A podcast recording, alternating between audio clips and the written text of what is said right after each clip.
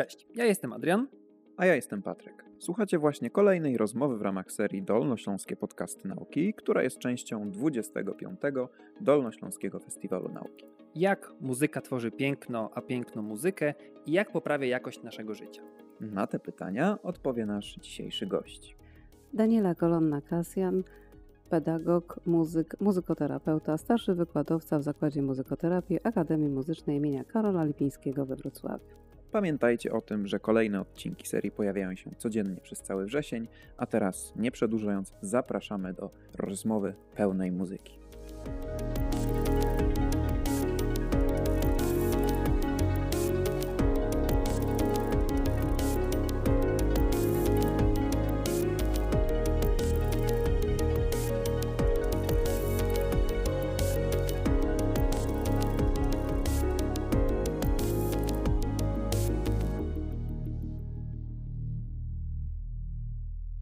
Takim razie skąd bierze się ta wrażliwość na muzykę u człowieka? Bo zakładam, że ona jest różna. Już pomijam nawet różne gatunki, te przysłowiowe ciarki. Czy to jest tak, że każdy, każdy człowiek odbiera muzykę inaczej, ale to jest bardziej kwestia doświadczeń? Czy my jakoś tak genetycznie jest? Czy to jest wpływ środowiska dzieciństwa? Jak to wygląda? Czy to jest też może inne, takie już fizjologiczne odbieranie tej muzyki? Tylko e, coś, co wynika mniej namacalnie z jakichś doświadczeń. Ja myślę, że to, to, tutaj trzeba podejść do tej problematyki szeroko, dlatego że mamy takie mierzalne parametry, tak jak wszędzie, i my bardzo lubimy jako ludzie racjonalnie myślący opierać się na tych racjonalnych też wynikach. Czyli mam powiedzmy częstotliwość, czas trwania dźwięku, mam jego natężenie i to mogę zmierzyć. Natomiast względu na te parametry, które są właśnie mierzalne i do sprawdzenia, jest jeszcze coś nieuchwytnego.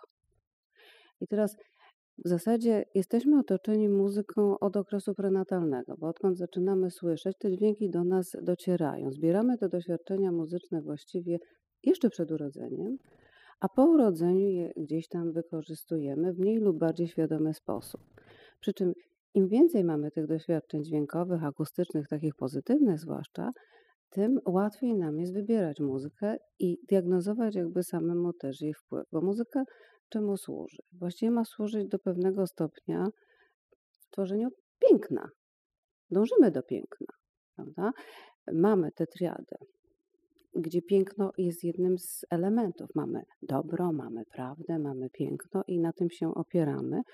Naturalnie nie każda muzyka i nie dla każdego będzie y, symbolizowała owo piękno.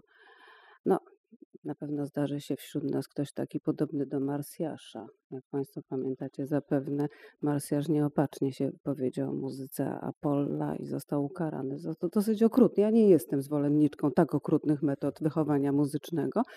Natomiast czy mamy prawo do własnego gustu? No mamy, bo teraz dziecko przed urodzeniem słyszy dźwięki. Potem się rodzi i też je te dźwięki otaczają. Mam wrażenie, że coraz mniej dzieci słyszy w tej chwili kołysanki w wykonaniu swoich mam czy babć. Zdarzają się tatusiowie, którzy teraz śpiewają kołysanki. I myślę, że to dobrze. Aczkolwiek jak ja prywatnie tak pytałam grupy dzieci, z którymi się stykałam w czasie mojej pracy zawodowej, to się okazywało, że stosunkowo niewiele dzieci miało takie ślady pamięciowe i zastanawiałam się, czy to wynika z tego, że zapomniały, mogło tak być, że nie pamiętają tego, co było we wczesnym dzieciństwie, czy to wynika z tego, że tych kołysanek nie słyszały. Potem pytałam rodziców i okazuje się, że właśnie tych kołysanek już nie śpiewano. Może trochę szkoda. Ale teraz dzieci, które otaczane są muzyką różnego rodzaju, e, mają więcej doświadczeń i łatwiej mi zbudować pewną wrażliwość. Ja z kolei sprawdzałam, jak to jest u dzieci z problemami rozwojowymi, jak to jest u dzieci autystycznych. Okazuje się, że bardzo ciekawe są te doświadczenia, jeżeli pozwolimy dzieciom doświadczać. Człowiek dorosły z reguły już ma ukształtowany gust. Ale przypominam sobie taką historię właśnie z mojej pracy zawodowej. Ja prowadziłam zajęcia dla dzieci dziesięcioletnich. Dzieci się przygotowywały do wyjścia na koncert. Dedykowany właśnie takiej grupie wiekowej i cała grupa się bardzo cieszyła, z wyjątkiem jednego chłopca. On doszedł do tej grupy, był już przyjęty w klasie, się tam nieźle integrował, natomiast ja wiedziałam po minie, że, że nie jest zachwycony pomysłem. I pytałam się go, dlaczego, czy, czy się nie cieszy na to wyjście. Nie. To jeszcze było w filharmonii. A ja mówię, dlaczego? no bo filharmonii jest nudno. I tak sobie pomyślałam, no uczciwszy uszy, od czasu do czasu, no może się zdarzyć, że jest nudno.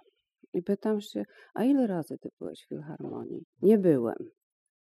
Pytam, skąd wiesz wobec tego, że tam będzie nudno? I on z taką mm, pewnością siebie w głosie mi mówi, tata mi powiedział. Wtedy sobie pomyślałam, że chyba niedobrze, że tata mu tak powiedział. Bo ja mówię, wiesz co, każdy ma prawo do własnego zdania, bo właściwie kształtujemy tę osobowość tutaj poniekąd w oparciu o doświadczenia artystyczne również. Ja mówię, idź, zobacz jutro, jak to będzie. I opowiesz mi, czy rzeczywiście było nudno, czy nie było nudno. Ja przygotowywałam dzieci, bo opowiadałam mniej więcej, jak, jakie utwory będą prezentowane, jaka, jaka to jest problematyka, e, jakie instrumenty, na co zwrócić uwagę. A ponieważ koncerty były dedykowane dzieciom, więc one były dla nich właśnie interesujące. I co się okazało, że dziecko przyszło zachwycone.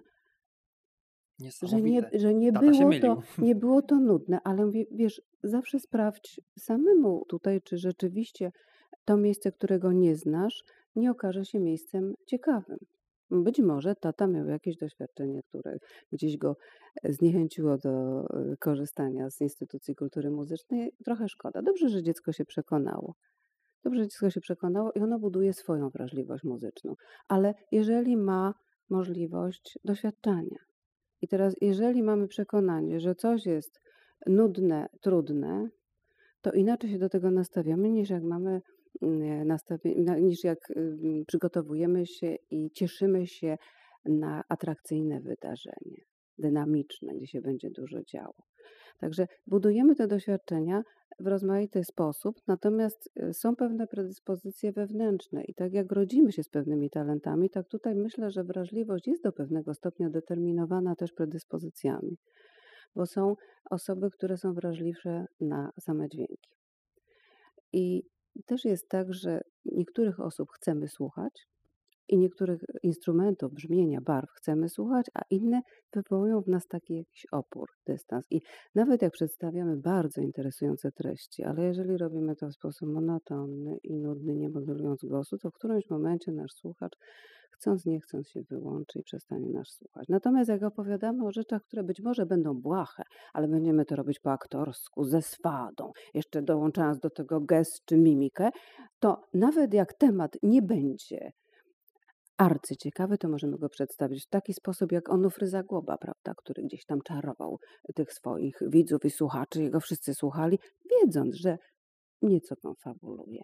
I z muzyką jest to samo. My musimy być otwarci na nowe dźwięki, na nowe doświadczenia, ale ta muzyka jednocześnie na nas wpływa. I to jest jakby ten następny element. Ja mówiłam o tym szerokim takim podejściu, prawda? Mamy tę wrażliwość wewnętrzną, mamy swoje predyspozycje, swój potencjał ale jednocześnie musimy brać pod uwagę fakt, że muzyka wpływa na nas jako na mm, jedność psychosomatyczną, czyli wpływa muzyka na nasz układ wegetatywny i to się dzieje już bez naszej woli, czy tego chcemy, czy nie. I można to wykorzystać w bardzo dobry sposób, ale możemy mieć też doświadczenia tutaj, e, powiedzmy sobie, mało budujące.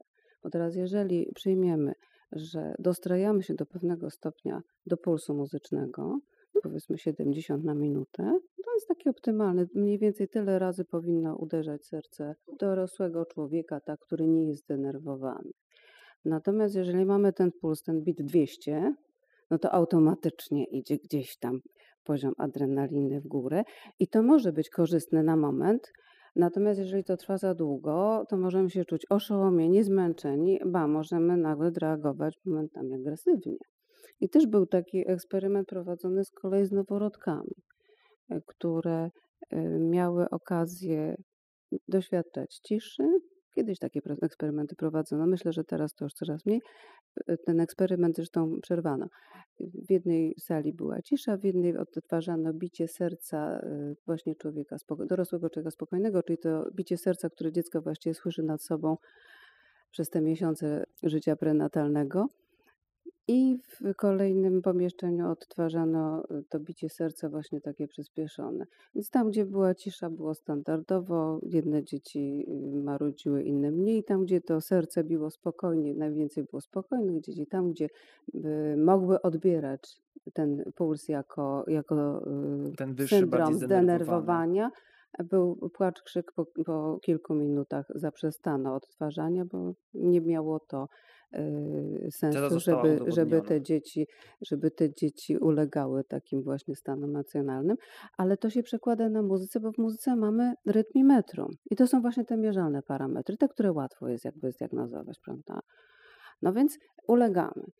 Bywa, że mamy reakcje fizjologiczne na muzykę, bo bywa, że pojawia się, y, taki objaw gęsia skórka, prawda? To taki atawistyczny właściwie z naszego punktu widzenia człowieka XXI wieku, bo nam już niczemu nie służy, ale czujemy. Czasem czujemy przyjemność taką, która się rozlewa niemalże po całym ciele. I jak Państwo będziecie obserwowali osoby słuchające muzykę, to możecie zau zauważyć, że niektórzy podrygują w rytm, że się postukuje Tupią nogą, nóżką, e, długopisem, tak? I to jest też takie zupełnie zupełnie naturalne, czyli mamy i wpływ na psychikę, na budow budowanie doświadczeń w stosunku do innych ludzi, czyli w zakresie jakby kompetencji społecznych mamy ten wpływ wynikający z wewnętrznych jakichś uwarunkowań, no i mamy ten wpływ na układ fizjologiczny. Także powiedziałabym, że muzyka wpływa w rozmaity sposób, ale też niejednorodnie to też zależy i od dnia, i od okoliczności. No, kto nie był smutny i nie puścił sobie smutnej muzyki, żeby sobie podbudować ten Żeby być jeszcze prawda? bardziej smutnym. Tak, żeby być jeszcze bardziej smutnym, to jest strasznie nieintuicyjne. W tym przykładem tej muzyki, która ma wyższe tętno, wyższe tempo, no to choćby do sportu, do biegania, ja sobie bardzo często lubię puścić taką ostrzejszą playlistę, no i widzę, że biegając bez muzyki, a biegając z muzyką, mam totalnie inne parametry tego biegu później, że z muzyką zwykle biegnę trochę szybciej, jestem trochę bardziej agresywny, tak to nazwijmy i widać, że w jakiś mocny sposób to na mnie, e, na mnie wpływa. I ja trochę chciałem też zainteresowany pociągnąć ten wątek tego gustu, bo powiedziała Pani, że my mamy jakiś gust ukształtowany od początku już samego. Ja widziałem, tak próbowałem sobie w trakcie y, Pani rozmowy przeanalizować to, czego słuchałem mniej więcej w każdym etapie mojego życia i to się trochę zmieniło, w niektórych momentach nawet drastycznie, więc wiadomo, co na to wpływa ewentualnie? Czy to jest swego rodzaju właśnie to, że muzyka przestaje mi sprawiać przyjemność, bo jest nudna, bo mi się odsłuchała i szukam czegoś nowego, czy to są właśnie ta rytmika? Z czego to może wynikać? Jeśli są takie badania, czy co wciąż, je, wciąż trwa? Ja myślę, że generalnie się opieramy właśnie na tym budowaniu doświadczeń. I co innego nam się podoba, jak mamy lat 7 czy 8 i mamy inne potrzeby, inne potrzeby intelektualne również. A co innego, jak mamy lat 13, 14 i później, co innego, jak wchodzimy w ten okres dorosłości. I myślę, że gdybyśmy analizowali wypowiedzi o młodzieży, no powiedzmy od starożytności do teraz, to y, zawsze grupa osób dorosłych, czy umówmy się dojrzałych, o młodzieży wypowiadała się jako o grupie szczególnej. I ta młodzież też manifestuje jakby swoje poglądy poprzez, poprzez muzykę, której słucha, którą wybiera. Czyli czasem muzyka jest wyrazem buntu. Swego czasu mieliśmy na indeksie też rozmaite dzieła muzyczne, dlatego że one były wykorzystywane jako dzieła, które mają indoktrynować. E, mm, Sprostuję, że to nie jest tak, że gust y, mamy od samego początku, natomiast on jakby się wyrabia od samego początku, właśnie poprzez to, z jaką muzyką mamy do czynienia. Także ci, którzy mają do czynienia y, z muzyką renesansu, baroku, z muzyką klasyczną, nieco inaczej budują swoją wrażliwość, nawet w oparciu o samo tworzywo muzyczne, niż ci, którzy mają do czynienia tylko i wyłącznie z muzyką popularną. Bo tam są jakby inne progi i powiedziałabym, że muzyka nie zawsze jest łatwa do zrozumienia, natomiast ona ma pewną formę, pewną strukturę. I teraz mamy muzykę, która jest y, muzyką absolutną, czyli mamy to samo tworzywo muzyczne. Mamy muzykę programową, czyli taką, która już zawiera pewien program w sobie. To nie znaczy wcale, że musimy podążać tropem kompozytora, że jak on wymyślił, że oto sportretuje y, słonia, albo lot trzmiela, że my musimy tylko i wyłącznie widzieć tego trzmiela lecącego lub y, toczącego słonia. Y, Czy powiedzmy sobie, że będziemy sobie wyobrażali tylko i wyłącznie źródło Arystuzy przy muzyce Szymanowskiego. Natomiast to jest pewien program, który możemy sobie wyobrazić. Często tak jest, że nam jest łatwiej. A w muzyce absolutnej poszukujemy takiego wyzwolenia. Teraz przeczytałam takie zdanie, że czyjeś, że ktoś nie lubi oglądać filmów, bo filmy są ograniczające, bo ograniczają wyobraźnię, bo to już jest gotowy produkt. Natomiast tekst literacki takich ograniczeń nam tutaj nie daje, bo możemy sobie wyobrażać. Natomiast my, słuchając muzyki, też mamy nieograniczoną wyobraźnię. Jeżeli jest tekst, zwłaszcza jak ten tekst y, nie jest specjalnie wyrafinowany intelektualnie, to właściwie mamy produkt gotowy zupełnie.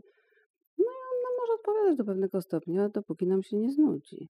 I tak jest chyba z tymi hitami, które się pojawiają, y, a potem nawet nie pamiętamy, co było modne 4 lata temu, a mimo, że y, cały kraj gdzieś tam podrygiwał w takty ze wszystkich samochodów, gdzieś tam można było słyszeć na skrzyżowaniu właściwie bity. Także to, to się rzeczywiście zmienia, ale zmieniają się też nasze potrzeby w zależności od stanu emocjonalnego i dojrzałości. I tego poszukujemy. I też tworzymy jakąś swoją ścieżkę dźwiękową. Przy czym ja myślę, że interesujące jest tutaj podejście e, tych osób, które pracują z seniorami. Zwłaszcza z osobami, które mają no, już za sobą wiele lat doświadczeń wszelakich, ale zaczynają się problemy, powiedzmy sobie, z funkcjonowaniem, czy społecznym, czy z funkcjonowaniem intelektualnym. Poszukuje się śladów dźwiękowych, takich, które jakby powodują przywrócenie, taki most z rzeczywistością. Czasem mogą tworzyć właśnie playlisty.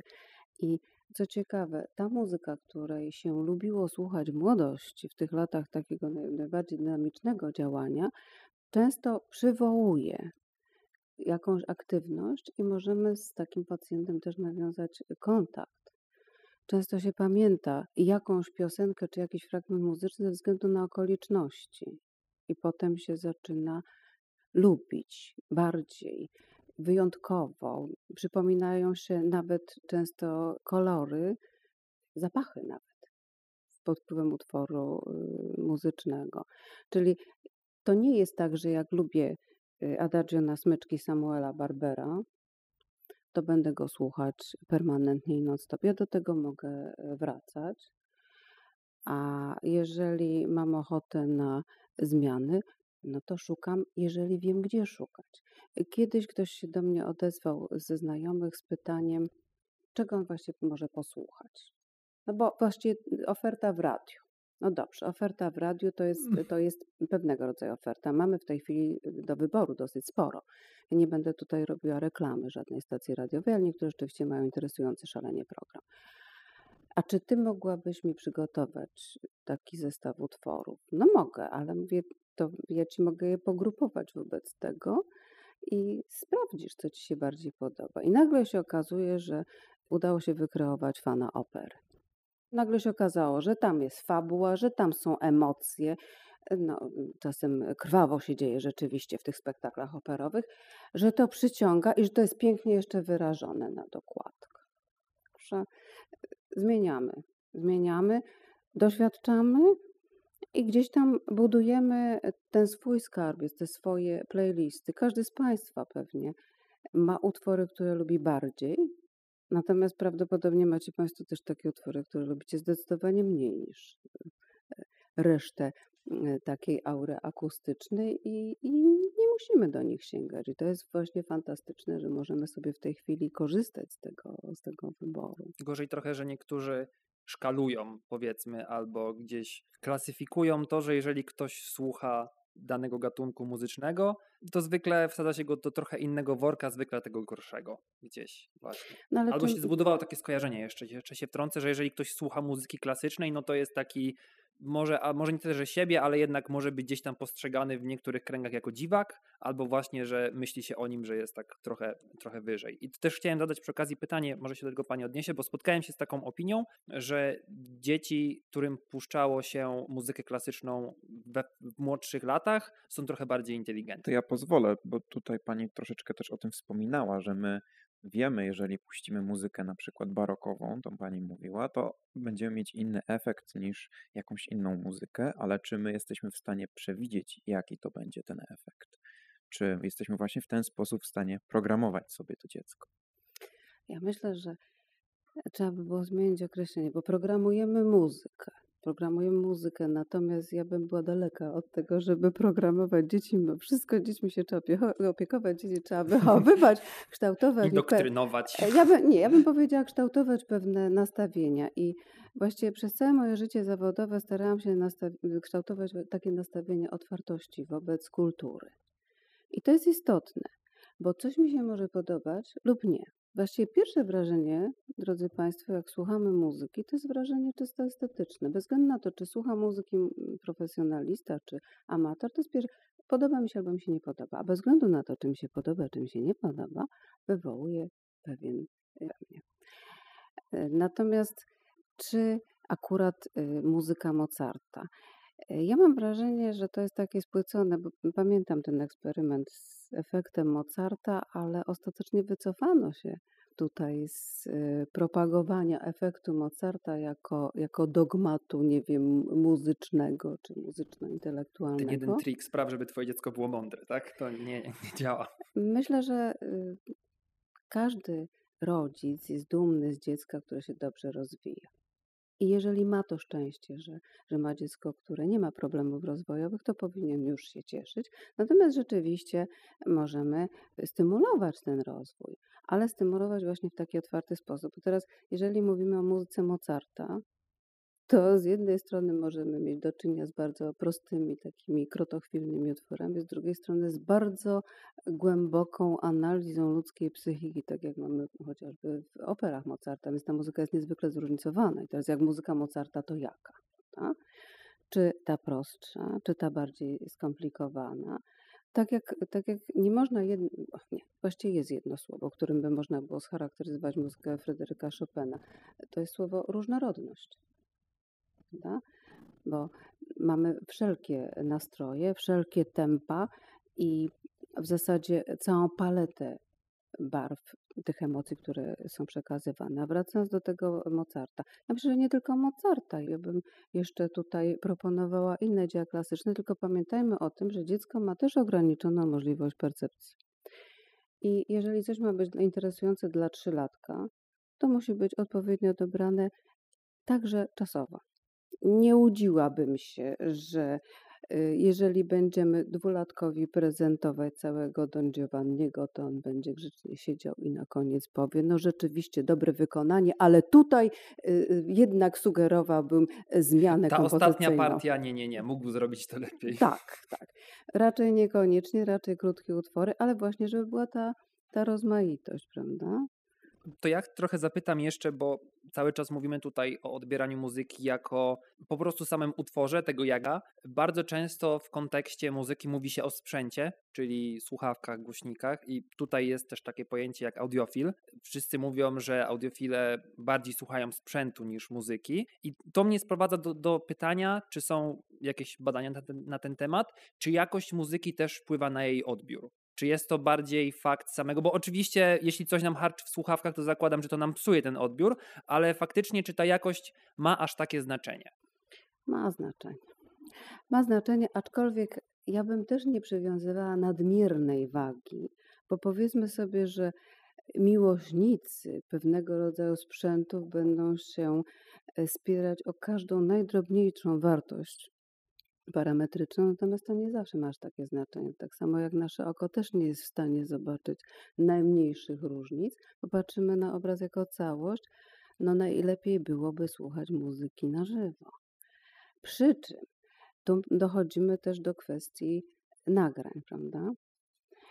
Jeżeli nagrywamy muzykę, zwłaszcza jeżeli to są nagrania studyjne, to mamy możliwość wyczyszczenia takiego nagrania mamy możliwość e, wstawienia fragmentów takich, które były perfekcyjnie wykonane, połączenia ich razem. Jeżeli mamy koncert na żywo, takiej możliwości już nie ma. Czasem coś się dzieje i utwór nie jest wykonany perfekcyjnie.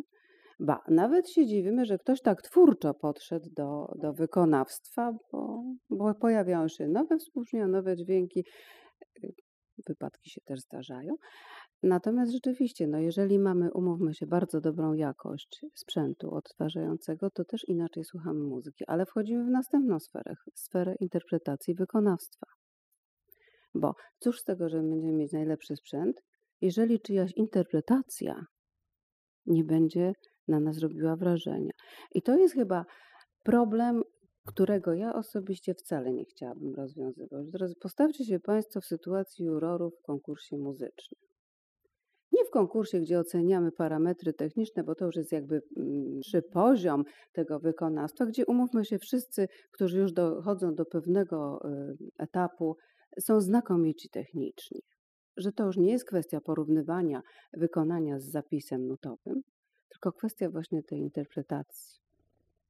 Bo cóż, gdybyśmy mogli wywołać kompozytora gdzieś ze światów i zapytać, słuchaj Johan, czy to rzeczywiście brzmi tak, jak ty sobie to wyobrażałeś? Albo Ludwik, tak miało brzmieć? Akurat z Ludwikiem to mogło być trudno. Ale powiedzmy sobie, to jest też jakaś taka nasza wizja.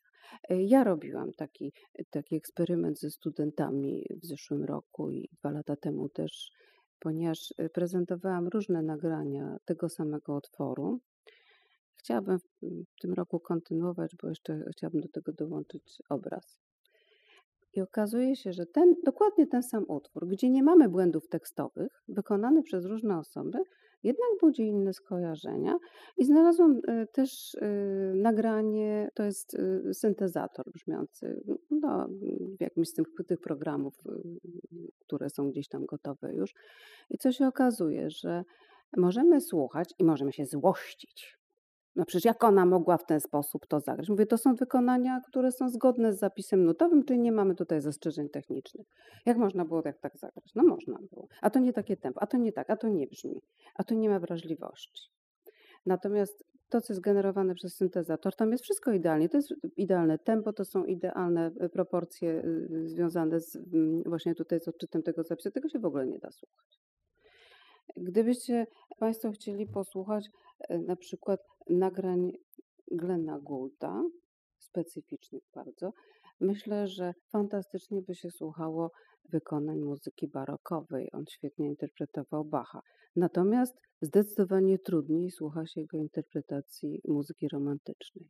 Tam wchodzą w grę uczucia, emocje i to już jest sfera bardzo, y, bardzo indywidualna. Intymna może. Pewnie tak. Jest taka kwestia dosyć równoległa do tego, e, o czym teraz rozmawiamy, i to mnie niezwykle ciekawi. Tylko ja, zanim zadam pytanie, nabuduję pewien kontekst. Mieliśmy w ramach serii m, mm, tych rozmów rozmowę z panem z Akademii Sztuk Pięknych, panem grafikiem, e, z panem grafikiem artystą, panem doktorem Gorzelakiem. I on w swojej twórczości mówił o tym, że czasami sposób przekazywania, wyrażania się był ważniejszy niż ta sama treść wyrażana niż to, co tak naprawdę chciał przekazać. W sumie doszliśmy też do takiego wniosku, że to było swego rodzaju ubezpieczenie tego pana artysty, że nawet jeżeli ta treść nie będzie najpiękniejszą historią świata, to to, jak ona jest przedstawiona, będzie już na tyle interesujące i, i ciekawe i, i jakieś dojmujące, że, że to się będzie broniło, mówiąc prosto. I teraz interesuje mnie, jak to wygląda w przypadku muzyki, szczególnie takiej muzyki, gdzie nie mamy słów. Czyli mam wrażenie, że czasami tam sposób przekazywania treści już jest treścią samą w sobie. Ciężko rozdzielić coś, co jest treścią, od sposobu przekazywania treści. Jak to w Pani opinii wygląda? Jak to wygląda interpretowanie tego, co jest treścią, a co jest tylko i wyłącznie sposobem przekazywania tej treści? Jeżeli się odniesiemy do praktyki wykonawczej, to teraz mamy człowieka, który występuje w kilku rolach, bo jeden jest twórcą, jeden jest wykonawcą, jeden jest odbiorcą, prawda? I teraz pytanie, czy rzeczywiście odzwierciedlamy dokładnie w praktyce wykonawczej to, co zamierza sobie twórca? Ba, czy mamy prawo po swojemu interpretować? Prawda? Bo mówię, właśnie ta kwestia wykonania. A teraz jak to odbierze odbiorca? tak jak z przekazem informacji w ogóle, że właściwie jedna myśl to jest ta, którą ja chcę wyrazić, druga to, co rzeczywiście wyrażam, a trzecia kwestia, jak ja zostanę zrozumiana czy zrozumiana, jak to będzie odebrane. I to wcale nie musi być zupełnie spójne. Czyli tutaj też tak może być, jakby z muzyką może jest mniej problemów, dlatego że my sobie sami budujemy skojarzenia. I właśnie to jest to, na ile ten nieuchwytny czynnik się pojawia. Co nas do muzyki przyciąga? Dlaczego słuchamy? Dlaczego chcemy słuchać jednych wykonawców? W przypadku muzyki absolutnej, prawda? a do innych mamy właśnie taki dystans i nie, nie potrzebujemy szukać takich czy innych wykonań. I chwała Bogu, de gustibus non est disputandum. Każdy ma prawo do własnego gustu i tu jeszcze bym się odniosła do tego e, klasyfikowania. No jeżeli budujemy postawę takiej otwartości wobec dóbr kultury w ogóle, no to my możemy postawić y, tutaj y, pewne granice, powiedzmy takie nie do przekroczenia, bo sztuka powinna prowokować do myślenia, powinna e, też pomagać nam budować swoją osobowość. E, natomiast z mojego punktu widzenia wygląda to tak, że muzyka na przykład nie powinna działać destrukcyjnie. Ja, ja bym wolała, żeby muzyka nie działała destrukcyjnie e, na nikogo. Stawiamy granice estetyczne, stawiamy też granice etyczne, prawda? Natomiast właśnie, czy mamy prawo oceniać kogoś, dlatego że lubi taką czy inną muzykę, że tak czy inaczej interpretuje? No, to są właśnie te subiektywne odczucia, i myślę, że każdy człowiek ma prawo do tego, żeby mieć własną ocenę takiego wytworu kulturowego, jakim jest muzyka. Przy czym to też jest tak, że my musimy właśnie być w takim kształtowani w takim, w takim podejściu, że sprawdzam, prawda? Nie oceniam, zanim nie poznam. To ma prawo mi się nie podobać. Ba, mi się ma prawo podobać pierwsza część utworu, a druga niekoniecznie. No to jest najgorsze. Ja, ja tak mam, miałem kilka takich sytuacji, że zacząłem słuchać piosenkę, myślę sobie, ale super, ale super, nie zepsuj, nie zepsuj. Nie, następna. Nie, to no tak, tak też się zdarza i wtedy albo możemy wrócić do tego pierwszego fragmentu, albo poszukać czegoś, co nam się podoba jako, e, jako całość. Także y, właśnie tu jest ta, ta wolność, którą możemy wykorzystać w pełni, ale być też otwartym, prawda? Bo y, jeżeli szufladkujemy, no to wtedy nam jest zdecydowanie y, trudniej poszukiwać nowości. Czy twórca muzyki ma prawo do tego, by jednak mm, wskazywać na to, jakie uczucia i jak jego twórczość powinna być zrozumiana? Czy jednak nie ma do tego prawa? Jak powinna być interpretowana przez odbiorcę? Ja myślę, że to odbiorca ma prawo tutaj sam się odnieść, natomiast czemu mamy odbierać prawo y, twórcy? Czy twórca wyraża swoim utworem, co chce, to jak to zrozumie odbiorca, to jest już jego kwestia chyba. Tak natomiast, natomiast jest szereg takich utworów, o których wiemy, dlaczego powstały, jaka jest ich historia, jakie jest ich przesłanie i bardzo często jest tak, że większość z nas interpretuje właśnie idąc tą Spójnie. ścieżką, którą gdzieś tam kroczył kompozytor. Ja się tutaj y, mogę odnieść też do przeżyć kompozytorów, bo przecież kompozytorzy są takimi samymi ludźmi jak, jak, każdy inny człowiek, który nie komponuje. Może jest im łatwiej, może jest im łatwiej. Może nam, muzykom, w ogóle jest czasem łatwiej w życiu radzić sobie z emocjami, bo możemy je wyrazić, bo możemy przez muzykę właśnie dokonać tej ekspresji emocji, nie kumulować emocji w sobie no, wykorzystuje się przecież to wszystko w procesach muzykoterapeutycznych też właśnie, właśnie emocji. Ale wracając jakby do dzieła kompozytorskiego, wiele utworów powstawało w wyniku właśnie przeżyć y, kompozytorów. I to były przeżycia zarówno te euforyczne, radosne, jak i bardzo głębokie traumy, które zostały gdzieś tam wyrażone w utworze muzycznym i nam nie jest trudno odebrać nawet jak mamy małe doświadczenia emocjonalne. I mm, tutaj też y, mogę się odnieść do takich doświadczeń bezpośrednich, bo dla mnie bardzo interesująca zawsze była praca właśnie z dziećmi. Dziećmi, które y, no, dopiero budują te swoje, te swoje doświadczenia życiowe i potrafią opowiadać, potrafią rysować, potrafią odtworzyć niejako emocje, które właśnie kompozytor w danym momencie wyrażał, a kiedyś mnie zapytało dziecko, a skąd pani to wie, że właśnie takie były okoliczności powstania utworu? A ja mówię, z listów. A kiedyś ludzie pisali listy, one się zachowały i teraz możemy, możemy przeczytać niektóre myśli, a to Feliksa Mendelssohna Bartoldika, a to Fryderyka Chopina, a to innych kompozytorów i możemy wiedzieć, co było genezą jakiegoś utworu, jak to, jak to się działo, co się działo z kompozytorem. Czyli myślę, że możemy dać prawo kompozytorowi, żeby nadawał pewien ton, ale musimy dać też prawo odbiorcy do tego, żeby on to odbierał po swojemu. To tak jest właśnie jak z tą muzyką pełną smutku, której czasem potrzebujemy właśnie wtedy, kiedy jesteśmy smutni, A czasem w zupełnie przeciwnych okolicznościach po prostu mamy, mamy na nią ochotę. Jak chcę iść biegać, to nie puszczę sobie czegoś, czegoś smutnego, nie?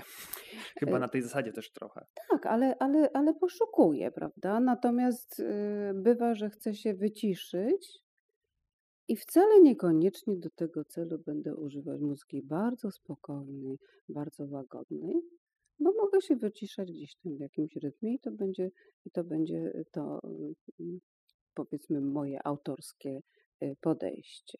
Ja wiem, że miałem znajomą, która mówiła, że najlepiej zadania z matematyki odrabia jej się do rapu.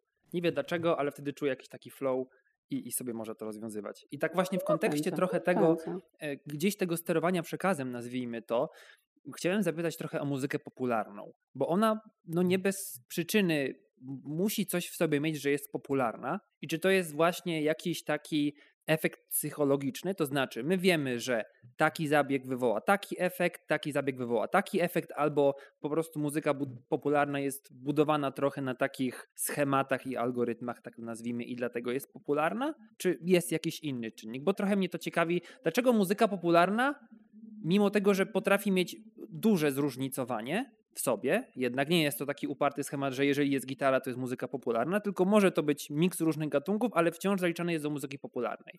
Ja myślę, że w dzisiejszych czasach to już mamy bardzo dużo wiedzy na temat wpływu właśnie samej muzyki i sporo utworów jest niejako generowanych. Tam już nie ma takiej inwencji. Siada kompozytor z gęsim piórem nad kartką welinową i tworzy utwór burzliwie lub mniej burzliwie, tylko mamy jakby gotowe elementy, nieomalże tak jak puzzle, które się gdzieś tam składa, powstaje utwór. Wiemy, że to będzie chwytliwy jak Państwo się orientujecie, mnóstwo muzyki jest w przestrzeni publicznej. Ona nas otacza stale.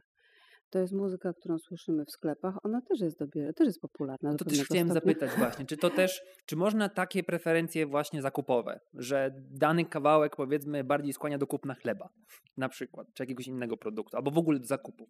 E, Tak, bo można klienta też odstraszyć. Można klienta odstraszyć, ale można też klienta przyciągnąć, stąd, stąd takie, a nie inne listy. I muszę Państwu powiedzieć, że dosyć trudno się jest dowiedzieć o dokładne klucze, na jakim zasadzie są dobierane te, a nie inne utwory w konkretnych sieciach, ale ja tu też nie będę yy, mówiła o żadnej konkretnej sieci, po prostu wystarczy właśnie wejść do sklepu. Yy, Mnie się zdarzyło wyjść ze sklepu, bo mi nie odpowiadała muzyka na tyle, że stwierdziłam, że rezygnuję. Ale tak po prostu nie podobała się Pani w takim wrażeniu estetycznym? Czy, Tak, bo tak, też chciałem tak, tak. zapytać o takie coś na zasadzie, jako że zna się Pani na muzyce i też wie, jakie efekty wywołują, czy to jest coś na zasadzie, a nie, nie, nie, nie, ja wiem, co Wy chcecie osiągnąć tą muzyką, nie dam się złapać, wychodzę. Czy, czy łapie się Pani na czymś takim?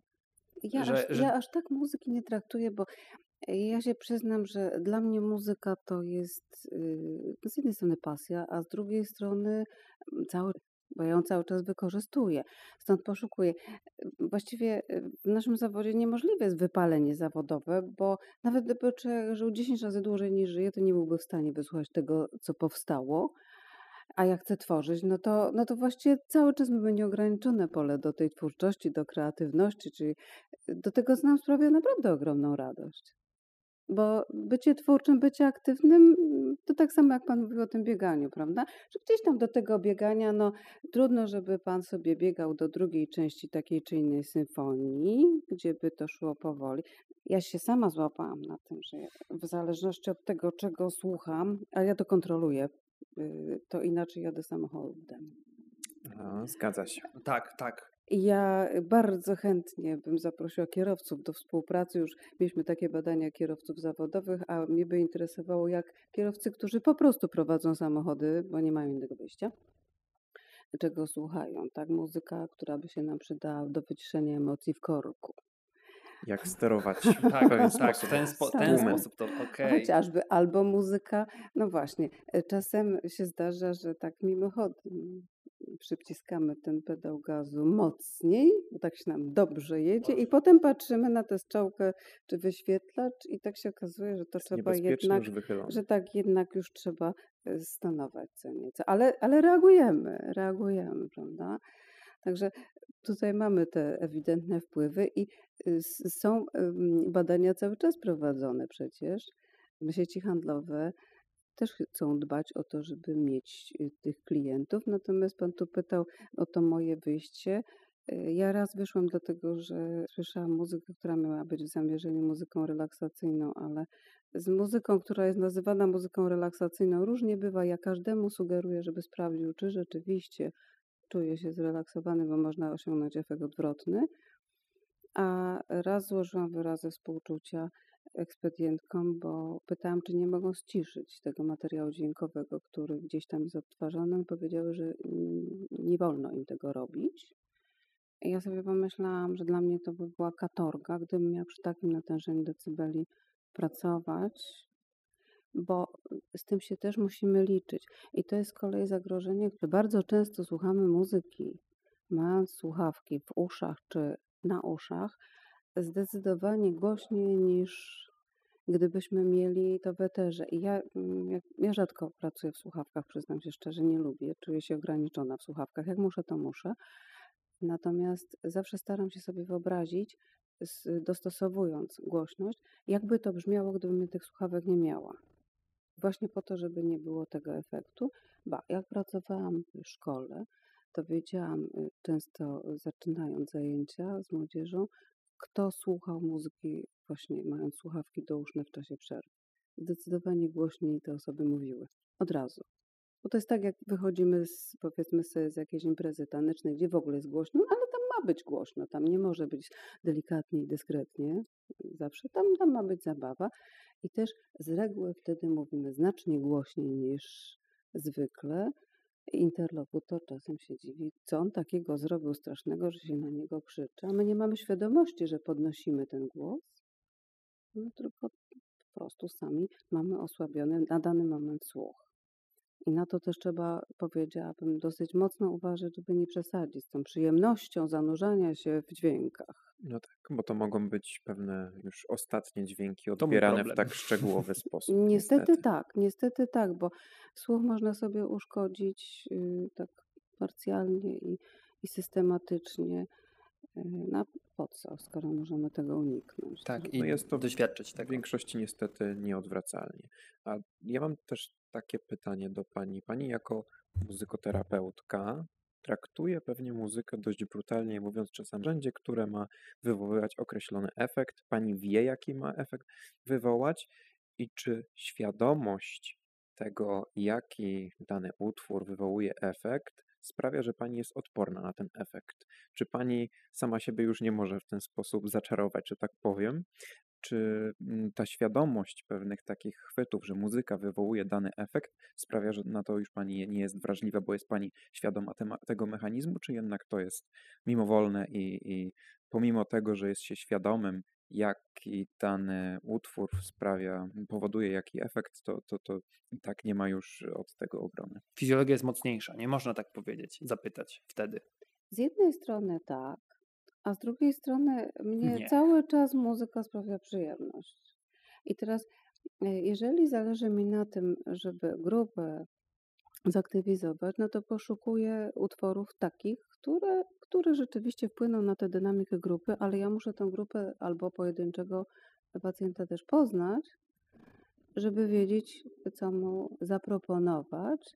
Ja bym powiedziała tak, muzyka jest moim narzędziem pracy. Ja muzykę traktuję jako medium komunikacji, bo uruchamiamy wyobraźnię, bo właśnie albo aktywizujemy, albo wyciszamy.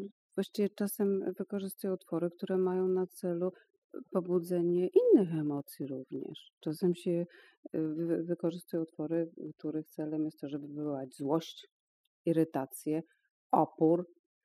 Właśnie, żeby ta reakcja była jakimś przyczynkiem dalszego działania, bo to też zależy z kim pracujemy. To nie jest tak, że jak muzykoterapia, to słuchamy tylko łagodnej, przyjemnej muzyki relaksacyjnej. No przeciwnie, my ją też tworzymy i jeżeli mamy do czynienia z kimś, kto się buntuje przeciw różnym elementom życia, no to niechaj wyrazi ten swój bunt, dajemy mu szansę na to, niech się zidentyfikuje z muzyką. Czasem trzeba kogoś poruszyć to bardzo głęboko i bardzo dobrze, że reaguje na muzykę. Jak nie reaguje całkiem, no to wtedy jest zdecydowanie trudniej, ale bywa, że wchodzimy jakby w kontakt opierając się na tych utworach, które właśnie pacjent preferuje żeby ten kontakt nawiązać, a potem proponuję jakieś następne. I mm, powiedziałabym tak, dla mnie y, słuchanie muzyki czy tworzenie muzyki jest zawsze przyjemnością, przy czym czy można się uodpornić?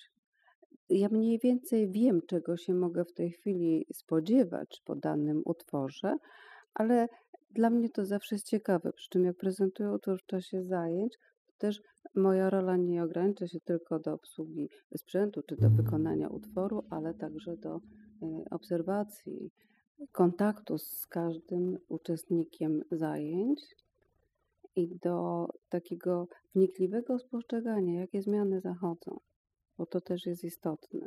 To widać. Tutaj powiedziałabym też ciekawe doświadczenie to była ta praca w maskach, kiedy w zasadzie widać było tylko oczy i rozmawiało się, prawda? Natomiast bardzo dużo zależy właśnie od tego, co się dzieje na naszej twarzy i tak samo od gestów, których akurat y, w przekazach y, audio nie widać. Więc to jest kolejny element, który możemy sobie wyobrazić. Jak osoby za tym mikrofonem tak naprawdę wyglądają. To jest bardzo ciekawe, co pani powiedziała, bo mieliśmy też rozmowę z panią Aleksandrą Pijarowską. Ona akurat zajmuje się teorią muzyki i tutaj spotkaliśmy się w pytaniu o to, jaką, jakiej muzyki e, pani Pijarowska słucha. To właśnie usłyszeliśmy w odpowiedzi, że praktycznie w ogóle pani nie słucha. I jeżeli też tutaj był taki kawałek, że jak pani miała swoje doświadczenia z muzykoterapią i było takie zadanie na zasadzie, co wam się kojarzy z tym utworem, to słuchając muzyki, znowu tutaj bardziej te takie wrażenia czysto od teorii muzyki wychodziły na jaw, czyli a tutaj tempo złe, a to trochę inaczej bym zagrała, a tutaj trochę nieczysto. To jest, byłem ciekaw tego wątku w pani perspektywie. Czy pani też potrafi odbierać muzykę tak z radością, czy bardziej właśnie w kontekście, o to jest taka muzyka, o tu jest fajny efekt, to ja bym to wykorzystała z kimś, kto do takiego pacjenta, tutaj mówiąc trochę w cudzysłowie. To jest, to jest bardzo, bardzo dobrze, że ta praca jest jednocześnie pani pasją i jakoś mocno nie wpłynęła na odbiór tej muzyki. Ja tylko poprawię Adriana, bo pani Pierowska tak powiedziała, ale poza służbowo, że nie A, w, bo to byłby problem mały. A tu nie, w sensie tak, tak. W sensie jeżeli już się skończy pracę, to, to raczej, raczej w ciszy. Tak, może to, to w ten sposób powinno być faktycznie. A ja nie, nie mam tutaj takiego problemu, dlatego że w którymś momencie udało mi się jakby przestawić z takiego słuchania czysto technicznego E, na słuchanie z jednej strony zawodowe, ale tak jak powiedziałam, ten mój zawód dla mnie jest też mm, pasją i stanowi dla mnie przyjemność, bo to jest dla mnie odkrywcze, to jest y, dochodzenie cały czas do nowych wniosków. E, ja właściwie nigdy nie powtarzam zajęć. Bo mówię, takie jest bogactwo tego materiału, że nie ma takiej potrzeby, żeby, żeby powielać scenariusze. Myślę, że musiałabym się mocno namęczyć, żeby powielić dokładnie tak samo jakieś zajęcia czy wypowiedzi, bo to też jest dynamika grupy i to jest fascynujące, że właśnie te reakcje są do pewnego stopnia przewidywalne, a jednak zawsze w tej wyobraźni się coś tam ciekawego pojawia. I oczywiście, że można słuchać z nastawieniem technicznym i czasem jest trudno od tego odejść. Bywają takie sytuacje, kiedy zwracamy uwagę na tak zwane błędy tekstowe. Tylko pytanie, czy ważniejsze jest to, że ktoś się pomylił, rara humanum est, czy że gra z pasją? Prawda? I teraz, no ktoś się pomylił, ale zagrał tak, że serce nam się rozradowało. No to dobrze, no pomylił się. Natomiast ktoś odegrał wszystko precyzyjnie od początku do końca, tak jak się należy i nie porwał nas. I czy teraz to mm, będzie ważniejsze, że on nie wykonał ani jednego błędu tekstowego? Chyba nie. Chyba nie. A poza tym y, to jest też fantastyczne takie spieranie się o interpretację, prawda? Dwie, trzy, cztery, a ta lepsza, ta, ta, ta, ta, a ten tak zagrał, ten zagrał inaczej właśnie, prawda? I to są fantastyczne dyskusje, a mi się podobało to, a tu piękna fraza, ale ta za to, a tu za, za, za dużo gdzieś tam jest y, jakiegoś elementu, prawda? Y, mnie najłatwiej odnieść się do muzyki fortepianowej, ale, ale właśnie, że gdzieś za dużo lewy ręki, za, za a tu można inaczej pociągnąć, a tak wykończyć łuk. Pamiętam szereg warsztatów y, właśnie, gdzie się okazywało, że nad jednym taktem można sobie dyskutować, ale to jest dyskusja taka twórcza, budująca, a nie ja panu nie przerywam, ja pani nie. Nie, to, to, to nie, nie te klimaty. I ja bym powiedziała, że Nie umiem sobie wyobrazić. Kiedyś stawiałam takie pytanie. Czy umiesz sobie wyobrazić życie bez muzyki? I uzyskałam odpowiedź, że nie. I ja rzeczywiście nie umiem sobie wyobrazić życia, ba, nie umiem sobie wyobrazić życia bez słuchania muzyki. Przy czym ja mam też swoje takie y, obszary, gdzie słucham y, innej muzyki, słucham jak piszę, innej muzyki słucham jak y, działam gdzieś tam, powiedzmy sobie w domu, mm, to wiadomo, że każdy ma jakieś tam swoje zajętości. Nigdy nie słucham muzyki na spacerach to już wtedy się nastawiam na odbiór tych bodźców, które. Okay, czyli dźwięki, ale przyrody. Mhm. Tak, tak. I zwracam, staram się zwracać uwagę. I dla mnie to też jest y, atrakcyjne, interesujące, że udaje się właśnie wyłapać tymi naszymi mm, sensorami tyle, tyle ciekawych bodźców akustycznych. Bo teraz pytanie, prawda, czy śpiew ptaków to jest muzyka, czy nie? Czy to są dźwięki natury? Też teoretycy Y, mogą rozważać, ale zamiast rozważać, to można posłuchać do przyjemności właśnie. Ewentualnie czasem specjalnie sprawdzam, jak dany utwór na mnie podziała, bo mi się bardzo nie podoba. I specjalnie sprawdzam, co mi się w nim najbardziej nie podoba, co na mnie działa e, drażniąco, prawda? I ja stawiam właściwie jedną tutaj e, cezurę, nie uważam, żeby w muzyce, której ja słucham, potrzebne były wulgaryzmy i przed tym się bronię. Po prostu, ale tak jak powiedziałam, to jest subiektywne takie moje doznanie i ja tego nie potrzebuję, ja tego nie chcę. W muzyce absolutnej tego nie mam. Przy czym e, nie klasyfikowałabym tak, że jak ktoś lubi więcej popularnej muzyki, e, to ma taki czy inny gust i można go klasyfikować w jakikolwiek sposób i porównywać z osobą, która na przykład jest fanem twórczości Krzysztofa Pendereckiego czy Witolda Lutosowskiego, prawda? Bo nie ma, nie ma takich dyskusji chyba toczonych pomiędzy zwolennikami Stanisława Moniuszki, prawda, a Piotra Czajkowskiego, która no ja się nie spotkałem jeszcze. Ja też jeszcze nie, która grupa jest lepsza, która grupa jest gorsza, bo jedni mogą preferować właśnie twórczość tutaj jednego z kompozytorów, drugiego. Natomiast czy my musimy klasyfikować? Czy nie możemy właśnie tej muzyki traktować jako, jako źródła tego piękna, o którym ja mówiłam, e, źródła takiej pożywki intelektualnej, jako stymulatora dla naszej wyobraźni, jako czynnika, który nas mobilizuje do działania i niechby to działanie było też dobre. Ja mam trochę takie, jestem zaciekawiony tym takim aspektem praktycznym już, e, a propos muzykoterapii właśnie. Jak wyglądają takie ćwiczenia? To znaczy, puszcza pani komuś utwór i pyta, co czujesz? I właśnie jak to wygląda? Czy to jest tak bardziej klasyczne podejście, jak trochę jak taka terapia psychologiczna, czyli puszczam jakąś muzykę, z czym ci się to kojarzy, jakie emocje to w tobie y, wyzwala? Czasami właśnie pani mówiła, że ktoś miał puszczoną taką mocniejszą muzykę, żeby go pobudzić do działania, a potem, żeby nawet sam się zaangażował. Czy też właśnie czasami angażuje pani, to znaczy daje mu pałeczki do perkusji i proszę gdzieś, nie wiem, swój rytm wystukać. Jak to wygląda tak z praktycznej rzeczy? Bo, za, bo to ten aspekt też chciałem zapytać, ale już tutaj pani powiedziała, że utwór jest dobierany do danej osoby. Nie ma czegoś takiego, albo takiego do, zestawu albo do, standardowego. Albo do grupy. Bo albo to, do grupy, Bo to tak. zależy, czy mamy zajęcia indywidualne, czy grupowe. No generalnie możemy te sesje muzykoterapeutyczne prowadzić opierając się albo na recepcji muzyki, kiedy mamy gotowe utwory, które możemy wykorzystywać, je prezentować, albo całe utwory, albo wybrane fragmenty. Albo mamy e, szereg form muzykoterapii aktywnej, gdzie tworzymy muzykę gdzie tworzymy muzykę instrumentalną, bo mamy też mnóstwo instrumentów gdzieś tam zawsze wokół siebie, albo wykorzystujemy głos, czy ciało jako element taki muzyczny. Ten głos każdy gdzieś tam ma w sobie. Powiem tak, my Polacy często się chowamy ze swoim głosem. Mało kto się publicznie waży gdzieś tam wystąpić, zaśpiewać, jeżeli nie jest profesjonalistą. Bardzo często jest tak, nie to ja, ja może nie, ja może posłucham, a my uruchamiamy.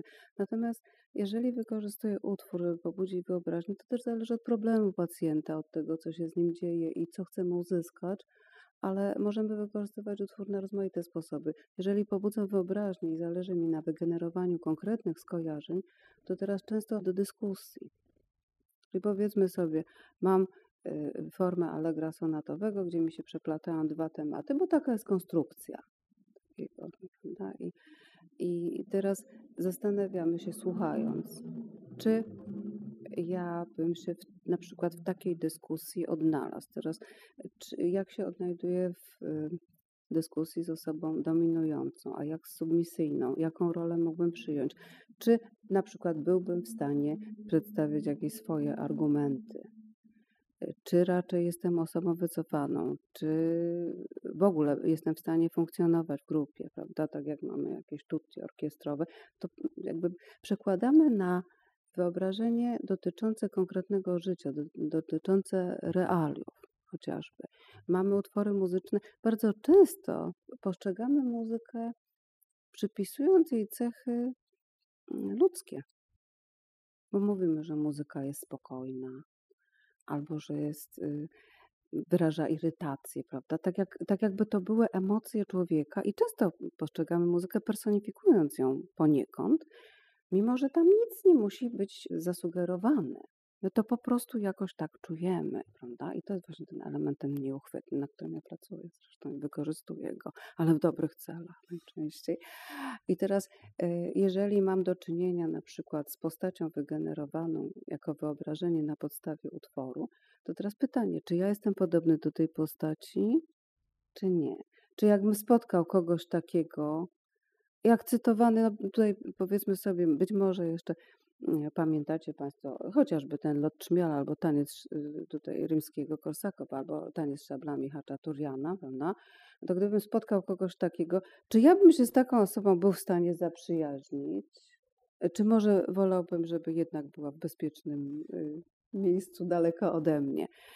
czy jestem podobny, czy jestem różny, jak reaguję, jak mógłbym zareagować, prawda? Czy projektujemy pewne sytuacje. Czasem to jest prostsze, że właśnie do utworu się gdzieś tam bywa, że mm, tworzymy muzykę właśnie na podstawie danego utworu po to, żeby wyrazić emocje, żeby te emocje uruchomić. Czasem chcemy kogoś wyciszyć, czyli jak chcemy kogoś wyciszyć, to jest tak trochę jak z bieganiem, że właściwie najlepiej dać tę energię gdzieś tam komuś wydatkować, żeby dać szansę tutaj na to, żeby się uspokoił, bo mam wrażenie, że jakbyśmy to tak chcieli zrobić na zasadzie uspokój się, to mogłoby nie zadziałać tak samo jak, jak sami mówimy do siebie, prawda? Albo do kogoś. No uspokój się wreszcie i już czujemy Już jest to napięcie, napięcie i o, potem się robi takie crescendo, crescendo, crescendo i tutti, prawda? Albo liczymy od jednego do dziesięciu, od dziesięciu do jednego. Na niektóre osoby to działa, Natomiast bywa, że to jeden, dwa, trzy i, i nie działa. A tutaj mówię, mamy szansę, tworzymy muzykę, czyli możemy zagrać siebie. Bardzo często jest tak, że w tych skojarzeniach wszystkich gdzieś tam zawieramy swoje własne, subiektywne doznania, o których byśmy wcale nie mówili, a tak niejako łatwiej nam jest odnieść się do własnego życia, jak tutaj zbieramy te doświadczenia wspólnie. I bywa, że łatwiej nam wyrazić pewne emocje właśnie grając je na prostych instrumentach. Przy czym, no wiadomo, y, to też jest kwestia wprowadzenia tego instrumentu. Bywa, że możemy coś zanucić, coś zaśpiewać i y, ja się zawsze cieszyłam wtedy, kiedy y, pacjenci dorośli spontanicznie śpiewali właśnie gdzieś tam, bo taka potrzeba się pojawiła. I to też było kolejne doświadczenie budowane we wspólnocie. Robimy coś razem. Orbitując wokół tematyki muzykoterapii, troszeczkę już kwestii poruszyliśmy. Jakie wywołuje efekty, jakie narzędzie się stosuje, jak to wygląda w praktyce. A nie odpowiedzieliśmy chyba jeszcze na pytanie, czemu ma to służyć. Czyli muzykoterapia służy wyłącznie do rozwiązywania problemu, czy może jeszcze też na przykład do, do identyfikacji tych problemów? Jak to wygląda? W muzykoterapii generalnie możemy dążyć do poznania problemów pacjenta, czyli to jest ten taki etap diagnostyczny, gdzie zbieramy informacje i staramy się zbudować pewien obraz, ale razem we współpracy z pacjentem. Jak już wiemy, czego dotyczy problem, to nie jest tak, że my jesteśmy wszechwiedzący. Absolutnie nie. Ja bym powiedziała, że e, każdy muzykoterapeuta powinien mieć sobie taką e, też e, pokorę pewną, ponieważ my się od pacjentów też uczymy. Jak najbardziej. W każdym razie na podstawie uzyskanych informacji budujemy sobie pewien obraz i staramy się wdrożyć takie elementy terapeutyczne, które danemu pacjentowi będą służyły. Przy czym czasem to jest właśnie kwestia oparta mocno na psychoterapii, a czasem powiedziałabym bliżej takich y, właśnie namacalnych, fizjoterapeutycznych technik. Ja sobie przypominam, jak pracowałam z dziewczynką z tetraplegią, z porażeniem czterokończynowym. Dziewczynka na wózku, która bardzo chciała grać na instrumencie klawiszowym. Ja się głowiłam, jak jej to umożliwić. W końcu wymyśliłam sposób, jak oprzeć no, do pianina na, na wyższym wózku mogła dotrzeć, natomiast z keyboardem sobie radziłam ja całkiem nieźle. I okazało się, że to dziecko robi tak duży wysiłek, żeby zagrać, że właściwie to już działa jak, jak gimnastyka dla niej i Mhm, tak. rehabilitacja. I to było to takie namacalne, prawda? Wyciągam rękę i staram się. I jest, jest, jest efekt, jest ten klawisz, który, który chciała osiągnąć, prawda? Fantastyczna sprawa. Mobilizacja ogromna. Tak, bo nie jest to takie proszę 10 razy w jedną, w drugą, Nie, tylko człowiek bo ja, sam. bo ja chcę zagrać to, bo ja mam tu trzy dźwięki, bo ja chcę zagrać tę melodię, bo chcę wymyślić swoją. I to, i to jest fantastyczne i właśnie takie zupełnie łatwe do y, zrozumienia, powiedziałabym, prawda? Czyli mamy, mamy rozmaite formy działania, ale teraz do czego dążymy? Generalnie, zgodnie z definicją Światowej Federacji Muzykoterapii, y, muzykoterapia ma służyć y, nie tylko tutaj niwelowaniu problemów, ale generalnie także ułatwieniu komunikacji i rzeczywiście nad tą komunikacją pracujemy, bo to jest ta komunikacja i y, niewerbalna, i werbalna również, bo jest dyskusja, bo jest dyskusja, ale y, dążymy także do wyzwolenia takiego wewnętrznego potencjału, czyli ja jako muzykoterapeuta nie patrzę przez pryzmat tego, jakie są dysfunkcje, tylko ja mam odkryć, jakie są predyspozycje. I parę razy rzeczywiście udało nam się tutaj odkryć takie właśnie perły, które być może pozostałyby nieodkryte. A dzięki temu, że się muzyka pojawiła, nagle się okazało, że można y, nawiązać kontakt z kimś, z kim kontaktu nie było. To jest także taka integracja, powiedziałabym, to działanie multisensoryczne jednak, bo to jest także i stymulujemy uszy i wyobraźnię i, i także mm, dotyk, bo przecież instrumentów dotykamy, one mają konkretne wibracje. Obserwowałam właśnie tutaj też rozmaite grupy i co się okazuje, że bardzo dużo dzieci z problemami rozwojowymi szuka takiego kontaktu z wibracją i tam, gdzie jest y, instrument, który rezonuje, to, to nie go instrumentu, prawda? Ale w konsekwencji tych wszystkich działań, taka jest końcówka tej definicji muzykoterapii, muzykoterapia ma służyć poprawie jakości życia, czy też osiąganiu tej dobrej jakości życia. Także nie ograniczamy się tylko i wyłącznie do kwestii stricte terapeutycznych, ale możemy działania muzykoterapeutyczne wykorzystywać także w profilaktyce, czy właśnie w działaniach takich związanych z, z wychowaniem, czy, czy działaniach edukacyjnych poniekąd. I tutaj trochę chciałem pociągnąć ten wątek, kontynuować go, bo też mi przyszło to pytanie do głowy, tylko od innej strony chciałbym je zadać. Bo ja jestem bardzo ciekaw, jakby to wyglądało, powiedzmy, przetestować to na sobie, ale właśnie, czy ja potrzebuję mieć problem, żeby iść, albo czy ja mogę tak po prostu, bo też z punktu widzenia pani, jako osoby, która się tym zajmuje, zakładając, że ja jestem kimś w rodzaju pacjenta, nazwijmy to, przychodzę i to nie jest tak, że coś mnie, właśnie, czy mogę powiedzieć, że nie wiem, coś mnie dręczy, czy po prostu mogę powiedzieć, tak przyjść i co ja mogę zrobić ewentualnie nie wiedząc, czy coś mi dolega, że, żeby uczestniczyć w takiej terapii? Czy po prostu musi to być jakieś skierowanie, że ja muszę stwierdzić, nie wiem, jest, jest mi smutno od kilku dni, tak trochę na zasadzie, czy ja jako zwykły człowiek, mówiąc tutaj kolokwialnie, e, bez problemu, że myślę, że muszę sobie z czymś poradzić, mogę przyjść i czy taka terapia może coś przede mną otworzyć i jak ewentualnie pani może zareagować w takiej sytuacji? W sensie spróbować gdzieś tego poszukać. Czy da się to zrobić, czy raczej jednak lepiej przyjść z czymś trochę bardziej konkretnym, żeby ten wątek, na, kontekst nakreślić? Na szczęście nie wszyscy ludzie potrzebują terapii, natomiast myślę, że każdy z nas może wpływać na swój rozwój i przyczyniać się w pewien sposób do samorozwoju, prawda? Samorozwój, samowychowanie, samokształcenie, prawda? Kiedyś te pojęcia jakoś tak się y, uży, używało się tych pojęć, w tej chwili chyba troszeczkę rzadziej. I tutaj, jeżeli mm, popatrzymy na muzykoterapię jako formę działania, w której się wykorzystuje muzykę i aktywność muzyczną, to możemy dążyć właśnie do rozwoju, do podnoszenia poziomu kompetencji społecznych chociażby, prawda?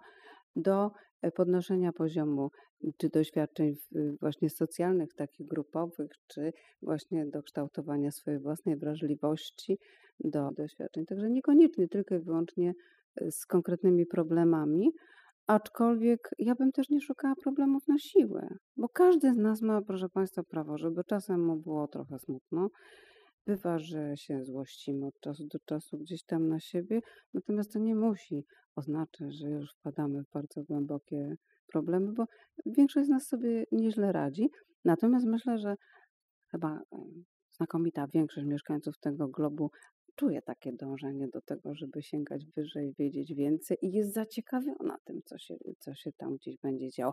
A co sobie wyobrażę tutaj, a, a co będzie jakby na następnej kondygnacji tego mojego wyobrażenia, a jakbym się zachował tak czy, czy inaczej, z kim bym zbudował relacje na przykład, prawda? I to są takie doświadczenia, które można sobie samemu też do pewnego stopnia tutaj sprokurować, no bo wyobraźnia nie jest ograniczona. W żaden sposób. To tak tylko my sobie to ograniczamy gdzieś tam w jakiś sposób, albo to, co dostarczają nam dane bodźce właśnie. I, i to było moje pytanie, czy, czy mogę przyjść właśnie w takim kontekście samorozwoju bez żadnego problemu, mówiąc w cudzysłowie, i ta terapia na pewno w jakiś sposób mnie otworzy. Tylko też pani potrzebuje w jakiś sposób tym nakierować i właśnie to jest bardziej dla pani zadanie, w jaki sposób to zrobić. Czy to jest bardziej jakaś sesja kilku spotkań, i wtedy na tej podstawie może pani stwierdzić, że ta osoba ma potencjał w tym, albo coś takiego, albo na przykład w trakcie wyjdzie, że coś panią zaciekawi, że jakiś no, problem, nie problem, to dyspozycja i stwierdzi pani, że pójdę w tę stronę. No, bo to się przeprowadza tak zwaną anamnezę muzykoterapeutyczną, a można to zrobić w rozmaitej formy, to jest takie, takie właśnie y, rozpoznanie, ale myślę, że przyszłość muzykoterapii, wyłącznie ta muzykoterapia kliniczna, ale to będzie także muzykoterapia chociażby w spa, prawda? Gdzie no, mamy taki dosyć intensywny tryb życia w tym XXI wieku. Nie wszystko, co robimy, y, jest zgodne z fizjologią, chociażby to, że, że siedzimy bardzo dużo przy komputerach i tak dalej. To tutaj możemy sobie wykorzystać elementy choreoterapii, elementy tańca, prawda? Nie na zasadzie edukacyjnej, gdzie każdy jednak patrzy, jak to jest wykonane, ale taki taniec, który tworzymy sami dla siebie w oparciu o muzykę, którą wybieramy, której potrzebujemy, poszukujemy i to może być właśnie forma relaksu aktywnego. Tak? No ale to już jest taki, taki powiedziałabym, wybór yy, indywidualny, także możemy myśleć o muzyce i w kategoriach czysto estetycznych, E, o muzyce w kategorii budowania pewnej wiedzy, bo to też jest, muzyka jest no nie tylko sztuką, ale także nauką, prawda, gdzie mamy zasady muzyki, wiedzę, historię, literaturę muzyczną, formę, harmonii, gdzie się kształcimy jakby, żeby o tej muzyce wiedzieć najwięcej. Natomiast tak naprawdę to najbardziej nas interesuje to, czy nam, nam się będzie podobała, czy nie będzie podobała. Tak, jak to wpłynie na nasz nastrój. Czyli no właśnie można stosować, stosować muzykę w wielu kontekstach i dawkować ją sobie w wielu kontekstach. A jeśli chodzi o takie nieoczywiste połączenia, o muzyce poważnej, nie całkiem poważnie, inspiracje kulinarne w twórczości kompozytorów. Takie wydarzenie. Cóż to jest za wydarzenie? To jest wydarzenie, które ja przygotowuję w tym roku, w tej właśnie edycji Dolnośląskiego Festiwalu Nauki. Ja już opowiadałam o o rozmaitych obrazach i historiach zaklętych w muzyce, czy ukrytych w rozmaitych formach muzycznych. Natomiast e, w tym roku e, zainspirował mnie jeden z programów kulinarnych i zaczęłam szukać, właśnie pomyślałam sobie, że jakbyśmy mieli ułożyć taki muzyczny jadłospis, to byłoby wcale nie trudne, bo e, można by było zacząć już od bułki z masłem e, Mozarta, prawda, wypiwszy gdzieś tam kawę, ale kawa mogłaby być przedpołudniowa, na przykład z kantaty o kawie. E, wiecie Państwo, taka czarna, smolista, taka jak Mickiewicz niemalże opisywał tę kawę tak apetycznie. To tak aż, aż by człowiek poczuł zapach tej kawy, prawda, jaka ta kawa jest fantastyczna. No i to jest właśnie to, co, co ja już w tej chwili czuję, prawda? Nie bym taką kawę spełniła, no ale potem możemy mieć przedpołudniową herbatę. Y, gdzieś tam y, do obiadu możemy sobie poszukać cięższej muzyki, jeżeli będzie pieczysty. Proszę sobie wyobrazić, że są utwory, które y, są zatytułowane i dokładnie odzwierciedlają na przykład chrzan albo korniszony. Nie każdy lubi, ale można to sobie wyobrazić. Moglibyśmy pójść na deser, y, moglibyśmy ewentualnie skończyć opowieścią cukrowej y, wieszczki, ale żeby aż tak y, słodko nie było, można było jeszcze zastanowić się chociażby nad, mm, dla dorosłych rzecz jasna, nad lampką wina czy innego trunku, które też mają swoje odzwierciedlenia w dziełach muzycznych. Przy czym być może właśnie dobrze na nas wpłynęłoby, gdyby przy posiłku e, można było otoczyć się dźwiękami muzyki niezbyt dynamicznej, raczej sprzyjającej tutaj skupieniu się na delektowaniu się e, smakiem. Zobaczymy, jak to będzie odbierała publiczność, a w każdym razie zapraszam do zapoznania się z tym materiałem. A przy okazji ciekawa jestem, czy Państwo słuchacie muzyki jedząc albo przygotowując jedzenie. Chyba częściej przygotowując. Przygotowując. Jedząc częściej oglądam, Chyba, że jem w, jem w biegu i wtedy po prostu mam słuchawki, ale generalnie tak. Raczej, raczej muzyki słucham przy przygotowywaniu, już sprzątając po posiłku, ale przy jedzeniu raczej niekoniecznie, myślę. Ale to, o czym parę razy mam wrażenie, że wspominaliśmy, jeżeli nawet nie bezpośrednio, to to, że w niektórych restauracjach to ma wspomagać i intensyfikować, dobrze mówię? Chyba tak. Tak. Wrażenia intensyfikować wrażenia, ale też tworzymy pewną aurę. I ja mam wrażenie, że my przez ten pośpiech, który nas często otacza, ja nie mówię, że ja się nie spieszę, mm, bo, bo też tak jest, że tracimy pewien urok z życia. Taki urok, który płynie chociażby z celebrowania posiłku. I to wcale nie chodzi o to, żeby ten posiłek był nie wiadomo jak wykwintny czy jak kosztowny. To najprostsze elementy można tak podać, żeby one y, cieszyły i oko, i radowały nasze podniebienie, prawda, żeby to była przyjemność. A jeszcze jak towarzyszą nam osoby, z którymi się rozumiemy, z którymi można pogawędzić chociażby o tej muzyce, która gdzieś tam nas otacza, to zupełnie inaczej będzie smakowała najprostsza tardinka, prawda? Wcale niekoniecznie muszą być to bardzo wyszukane delicje, a będziemy pamiętać taki posiłek jako ten spożyty w fantastycznej atmosferze. Także y, niewątpliwie y, możemy się tutaj odnieść do doświadczeń kompozytorskich. Y, myślę, że warto też wspomnieć o kompozytorach i ich no, takich abszmakach, powiedziałabym też, bo byli tacy, którzy się skarżyli na taką czy inną dietę. Nie zawsze znajdowało to odzwierciedlenie w utworach muzycznych, ale na nich wpływało niewątpliwie. No, a być może nam się uda jeszcze ewentualnie coś zaimprowizować na temat ulubionych potraw. Gdyby sobie tak wyobrazić, proszę Państwa, mówię, w tej chwili cukier jest taki, powiedziałabym, problematyczny, ale królestwo cukrowe wieszczki, prawda? Chmurki zbitej śmietany, miodowy, lemoniadowa fontana, na kandyzowane y, owoce gdzieś tam na drzewach, piernikowe figurki przechadzające się po łące z marcepanem. No tak.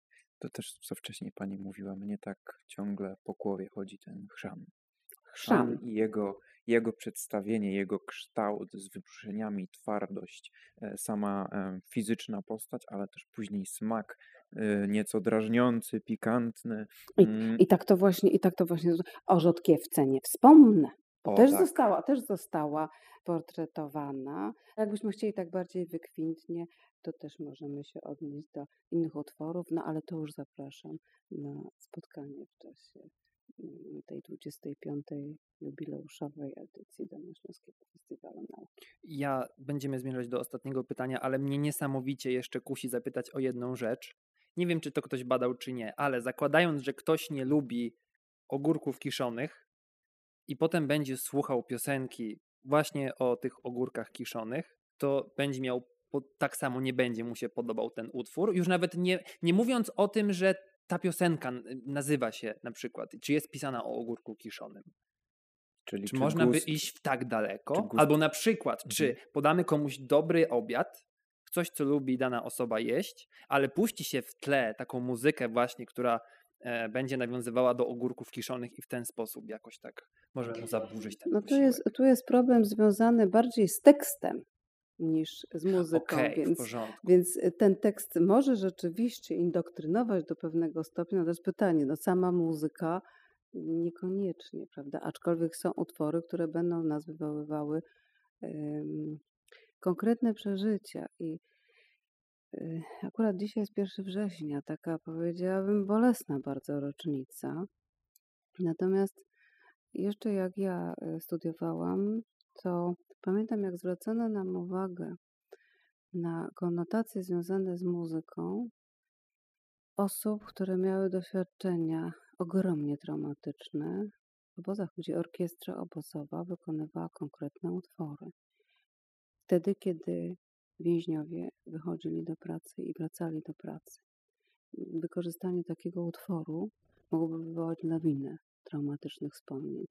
Mimo, że same utwory mogły być zupełnie neutralne, one były nawet przyjemne do słuchania.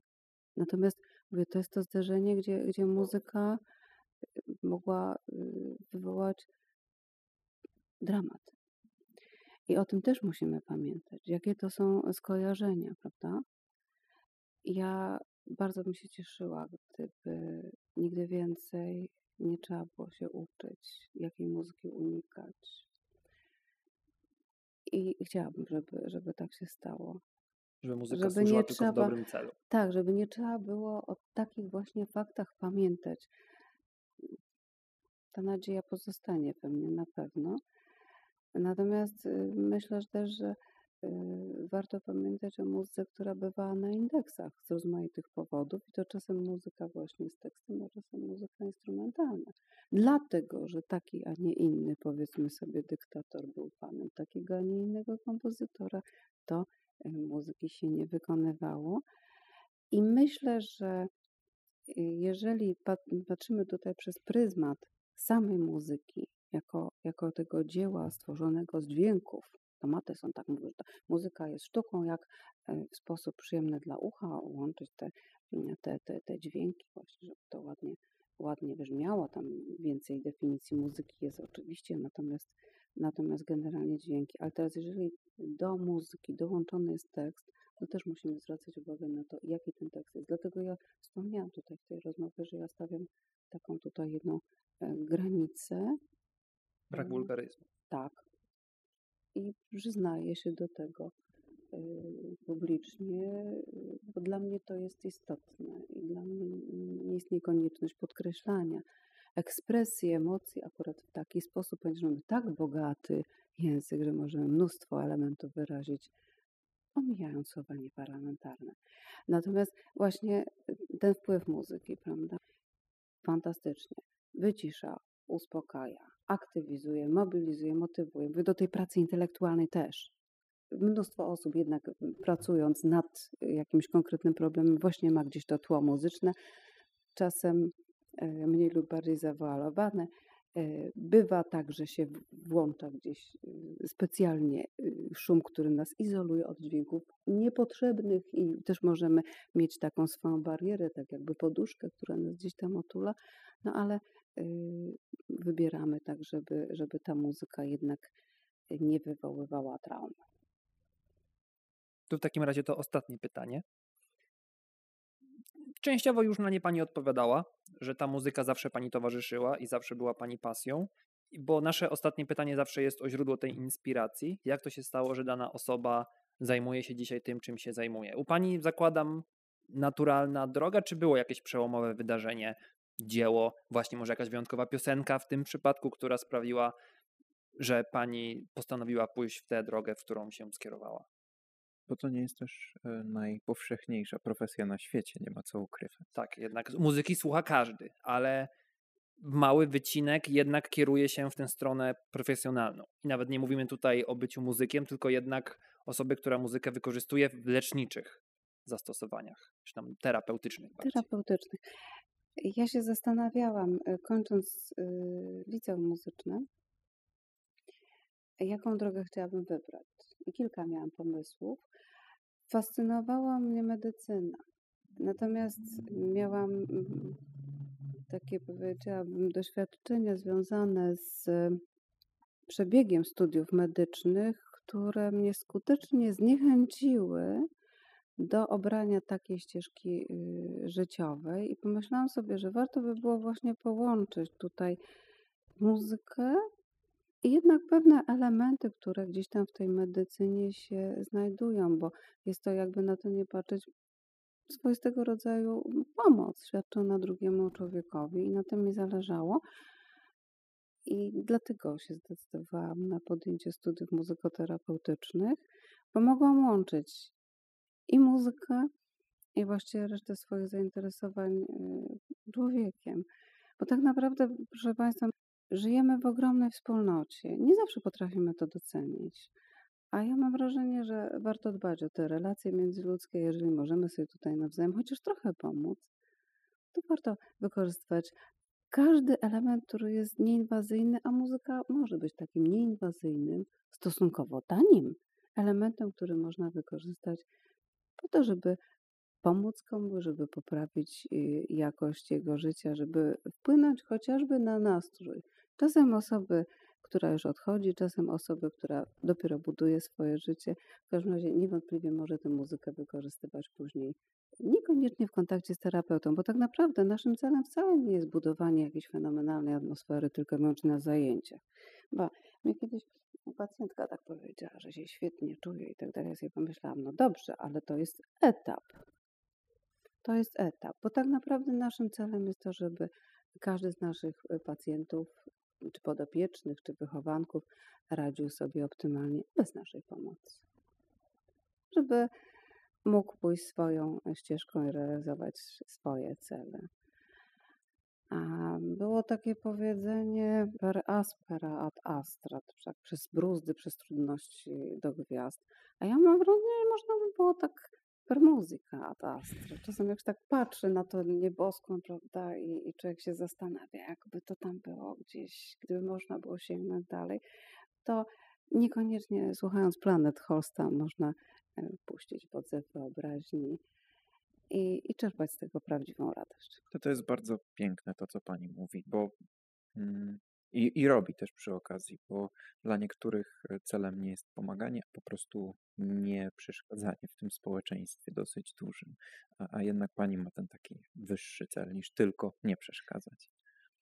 I tego chyba mm, e, warto mm, się trzymać, bo możemy razem tworzyć więcej bo możemy mieć takie więzi, które będą owocowały coraz obficiej, coraz bogaciej.